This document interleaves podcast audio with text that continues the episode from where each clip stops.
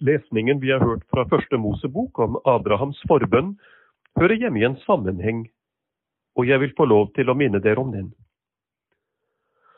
Abraham ble kalt bort fra sitt hjemland Haran i det som nå er Irak, 75 år gammel. Han fikk beskjed om å vandre mot et land han ikke kjente, som Gud ville gi ham i arv. Herren sa, Jeg vil gjøre deg til et stort folk, jeg vil velsigne deg og gjøre ditt navn stort.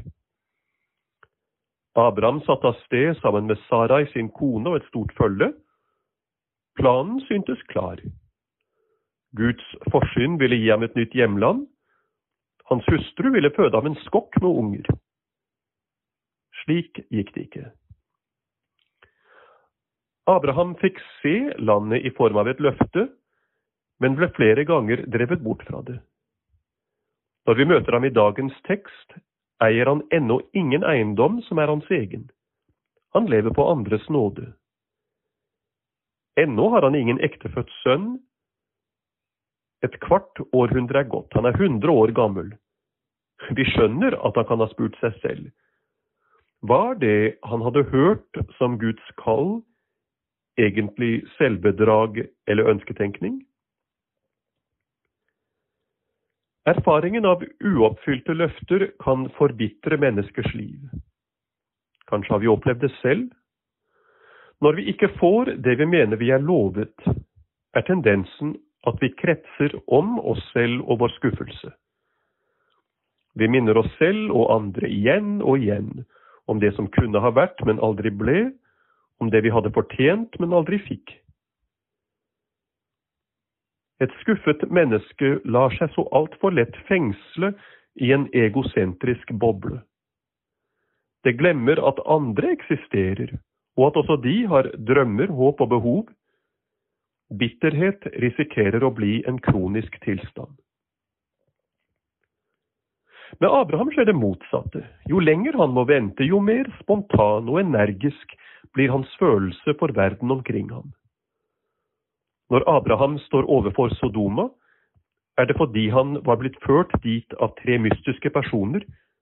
Fedrene så dem som profetiske tegn på den hellige treenighet. De tre hadde forkynt at ventetiden var omme. Innen et år skulle en arving bli født.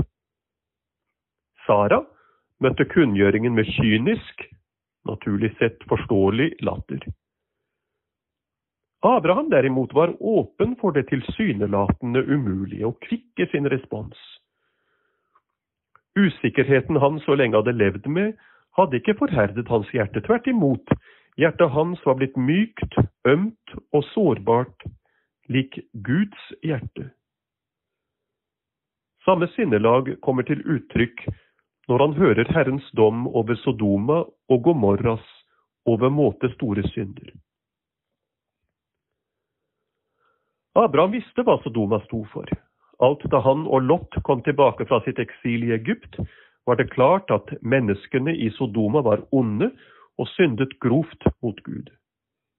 Han hadde ingen illusjoner, han relativiserte ikke sodomittenes synd. Allikevel utholdt han ikke tanken på at de skulle utslettes. Det kunne jo finnes én rettferdig, én med anlegg for nåde blant dem. Ikke kunne vel en rettferdig Gud skjære alle over én kam?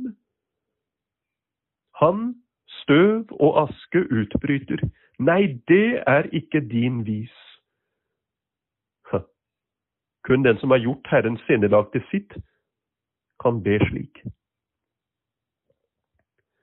Når disiplene i evangeliet anmoder Kristus lær oss å be, gir Abraham dem et fullkomment forbilde. Abraham, gammel som han er, er et Guds barn. Han kan derfor spontant betrakte Gud som sin far. Guds hellige navn lyser i ham, han ligner et inkarnert tabernakel for Guds nærvær. Gjennom Abraham får Guds rike fotfeste i verden. Selv etter å ha måttet vente lenge på at Guds løfte oppfylles, vet han at han vil motta her og nå nøyaktig det han trenger sitt daglige brød. Sin intethet og synd bekjenner han frimodig, for innstendig å be om tilgivelse for andres synd. Han vender blikket bort fra seg selv og står derfor utenfor fristerens vold. Han er ikke fanget av noe her i verden. Han er fri. Abrahams eksempel minner om at bønn ikke primært er noe vi gjør. Bønn er et vesentlig uttrykk for noe vi er. Det Paulus formaner oss til når han byr oss be uavbrutt, er å la oss forvandle av Guds kraft i Jesus Kristus. Lever Kristus i oss, blir selve vårt åndedrett en bønn til Gud, et uttrykk for tillit, takksigelse og forbønn, for vårt hjerte vil lengte etter å se Herrens miskunn bre seg over alle mennesker, i visshet om at det finnes håp for alle, selv for de mest hardbarkede syndere. For å lære å be slik kreves tålmodighet.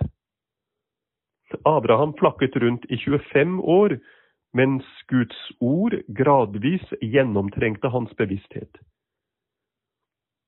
Jesu lignelser maner til utholdenhet. De forteller oss at vi trofast skal drive på og ikke gi opp. At vi også når vi synes omgitt av åndelig mørke, skal befeste vår tro på at Gud er god, at Han elsker oss og vil vårt beste. Vissheten skal bli grunnlaget for vår eksistens og for vårt forhold til andre. En sånn fordring kan virke overmenneskelig. Og det er den også, naturlig sett.